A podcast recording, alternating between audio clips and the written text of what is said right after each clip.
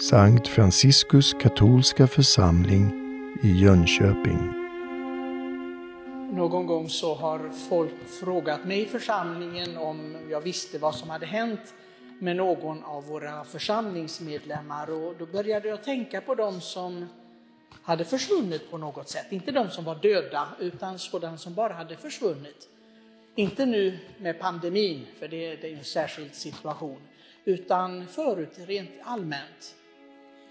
Och jag tänkte att också på de som vi har tagit upp i kyrkans fulla gemenskap, de som har visat en väldigt stor entusiasm och så, och sedan bara försvinner de.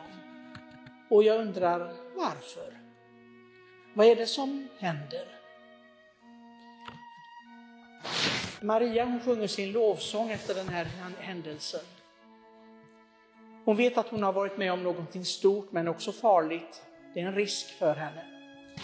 Men ändå kan hon gå till sin släkting Elisabet, som vi hörde om i evangeliet, och sjunga sin berömda lovsång. Hon tar från Guds ord det som hon har snappat upp och gör det till en ljuvlig sång som vi sjunger än idag, över 2000 år efteråt. Dagligen sjunger vi den i kloster och i kyrkor. Min själ prisar Herrens storhet.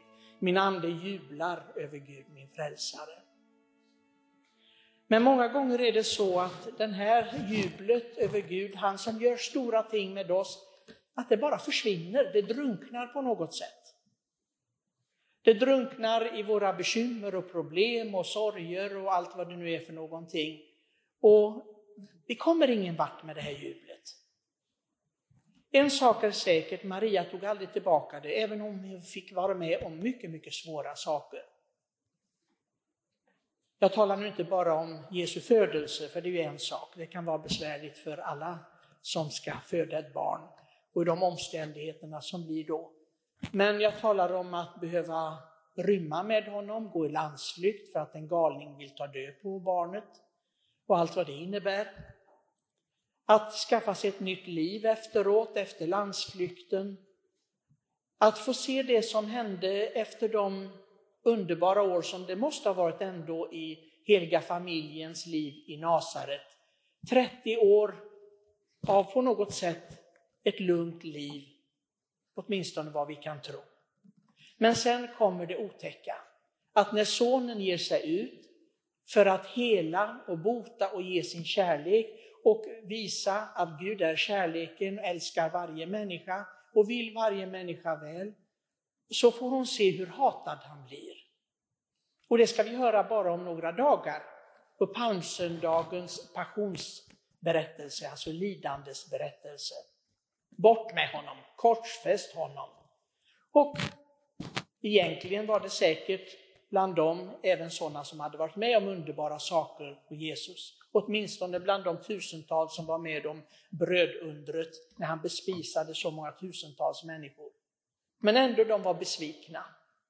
Besvikelsen över Gud. Besvikelsen över honom som kallades Messias. Att man fick inte det man ville. Jag vill ha det på ett visst sätt. Och den här dagen, Marie bebådelse eller Herrens bebådelse som vi säger i katolska kyrkan, det är en dag då vi firar en människa som är fullständigt fri från sig själv. Har verkligen tagit till sig tron. Och det här är en ung tjej. Det är ingen mogen kvinna som vi ser idag. Som har erfarenhet av livet, som har tänkt igenom. Nej, det är det inte. Enligt biblisterna så var hon omkring 15-16 år. Jag vet inte om ni känner några 15-16-åringar, det gör ni säkert ni som är föräldrar. Skulle ni se i dem förmågan att kunna säga totalt ja till Gud, var, var han än ville? Det tror jag inte. Jag kommer inte så mycket ihåg om min egen ålder då, hur, hur, hur det var, men, men jag tror att jag var ganska så trotsig, för det påstår mina släktingar i alla fall, att det, det gick inte att hantera mig riktigt. Inte det att jag var ute på rackartyg och sådär och, och, var i gäng och, och söp och slogs och så, inte alls på det viset. Men jag hade en jättevilja, sa de. Det gick inte att förmå mig till att göra någonting som jag inte ville. Så jag var väldigt envis. Men jag tror inte att jag var ett helgon, inte den envisheten. Jag skulle vara fantastiskt om det var så, men det tror jag inte. Med Maria så ser vi någonting helt annat. Hon är, hon är helt öppen för Gud vill detta. Det är klart att hon visste folkets historia. Man förväntade sig att Messias skulle komma. Guds folk i Israel väntar fortfarande på Messias. Men i Jesus ser vi att detta uppfylls. Och hon tar tag i det här, men hon säger, men ja, men hur ska det gå till? Ja, men det, det finns ju lite praktiskt i det hela också. Man måste ju ha en man, är ju inte bara en ensam människa som blir moder eller fader. Man måste vara två. Och Gud förklarar enkelt för henne att det är den heliga ande. Det som blir till i dig är av helig ande. Det är Gud själv som kommer in i dig. Hon accepterar det. Vi människor vi har så svårt att acceptera allt i livet. Det händer saker och ting och det är en revolt inom oss. Det är ett motstånd inom oss många gånger. Vi tänker, är det så här Gud visar sin kärlek? Att jag ska må så här dåligt, att jag ska gå igenom det här, att det här skulle hända. Är det så han visar sin kärlek?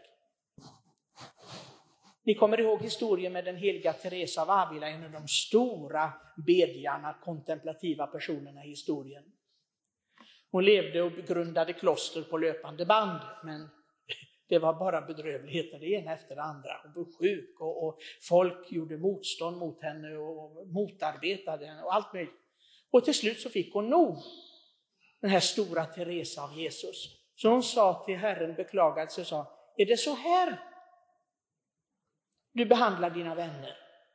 Och Jesus lär ha svarat henne i bönen, ja, det är precis så jag behandlar mina vänner.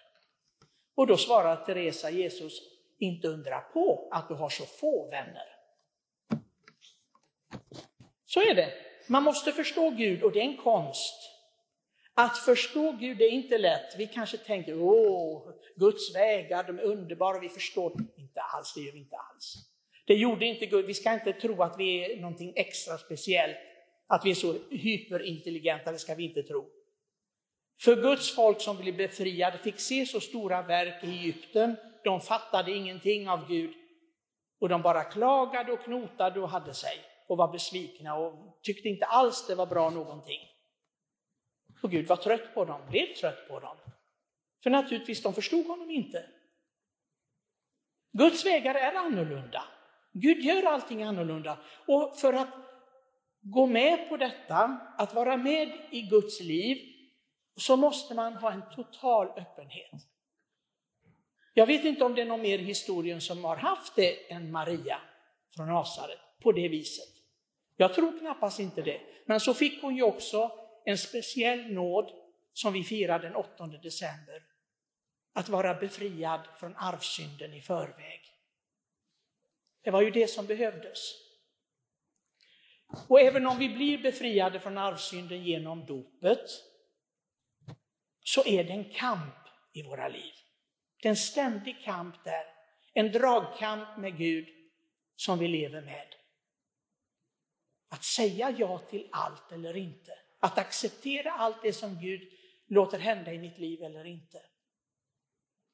I vissa människor ser man det. Jag har sett det i, i svårt sjuka människor.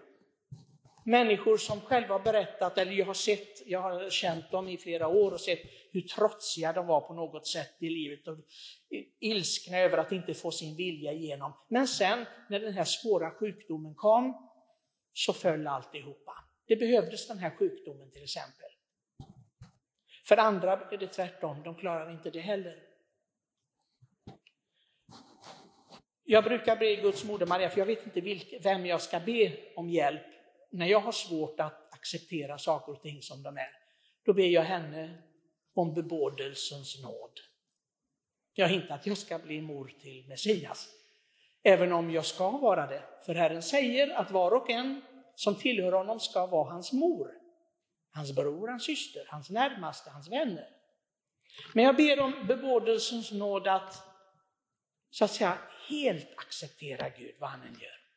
Att det inte finns den där lilla nagel någonstans som, som säger, åh det här tycker jag inte om Gud, jag är besviken på det. Eller så, nej, det här vill jag inte vara med om. Utan bara rent säga, ske din vilja. Det vi säger i Fader vår, många gånger vi säger Fader vår som är i himlen, bla bla bla bla bla. Och så, ske din vilja så som i himlen. Så. Och så, ja vad är det för bön? Tänk, om vi tänkte på varje fras där i, i, i vad vi säger. Alltså det är stora ord, det, det, är, det är farliga fraser. Det är farliga grejer. Ske din vilja så som i himmelen så på jorden. Det är inga lätta ord, men vi säger det som det vore ingenting, precis som vi talade om pannkakssmet. Eller vad som helst. Det är stora grejer det här. Och ändå kanske tvärtom, ja, så trillar kaffekoppen i golvet och går sönder och det var mormors ah! Så är vi arga och så, egentligen skulle det inte betyda någonting. Ske din vilja har vi sagt. Om Gud vill att hela köket ska trilla ihop, då sker Guds vilja har vi sagt. Vi har ju sagt det. Menar vi någonting med det? Jag tycker att det är en stor fråga. Ni kanske tycker att nu, nu kommer han bara med lite retorik här, för det är bebådelsedagen. Jag tror att det är en av de stora svåra sakerna i livet. Jag hör det ju i bikten, jag har ju biktat i över 30 år. Jag hör människor som kommer och säger att de accepterar inte det och det i sina liv, eller den och den personen. Och det är ju det det handlar om. Allt det här handlar om precis en och samma sak. Att säga ja till Gud. Då kommer det inte den här frasen som vi egentligen, jag, ibland så testar jag mig själv och säger, hur många gånger under dagen, när jag gör min samvetsrannsakan på kvällen, så gör jag streck och så tittar hur många gånger har jag sagt, det där gillar jag, det där gillar jag inte, det där tycker jag om, det där tycker jag inte om. Och sen, det där borde du stryka, käre pater Josef Maria Nilsson. För det ska inte finnas med. Om du accepterar Guds vilja så ska det inte finnas att jag tycker om, jag tycker inte om. Allting går bra. Allting som Gud låter ske dig, pater Josef Maria, det, det är bra. Det är precis det som, så ska det vara. Och du ska inte ha någon mening om detta. Men att komma dit. Tror ni att Guds moder Maria sa, nej det där gillar jag inte, nej det där tycker jag inte om, nej så vill jag inte ha det. Tror ni det att hon var sån? Icke. Det tror jag inte. Det finns inte en skymt av detta evangelium. Inte. Inte ens när hon fick vara med om det mest fasansfulla, att se sin enda son, sitt barn, bli mördat. För mördad blev han. Avrättad. Inte ens då. Hon hade möjlighet att låta oss få veta det genom Lukas evangelium, hon, eftersom det är flera av hennes berättelser med där. Ibland kallar man det för Marias evangelium. Nej, hon ville inte att någonting sånt skulle finnas med, därför att antagligen fanns det inte. Hon stod säkert och gråt och led. Men hon ville inte att något motstånd mot Guds vilja, Faderns vilja, skulle finnas med. Bara hennes lovsång, den skulle eka genom hela hennes liv. Maria, Guds moder, hjälp oss. Vi har en lång väg att gå, de flesta av oss i alla fall. Hjälp oss du älskade Moder i himmelen så att vi också kan lovsjunga och lovprisa Gud så som han vill bli lovsjungen och älskad. Amen.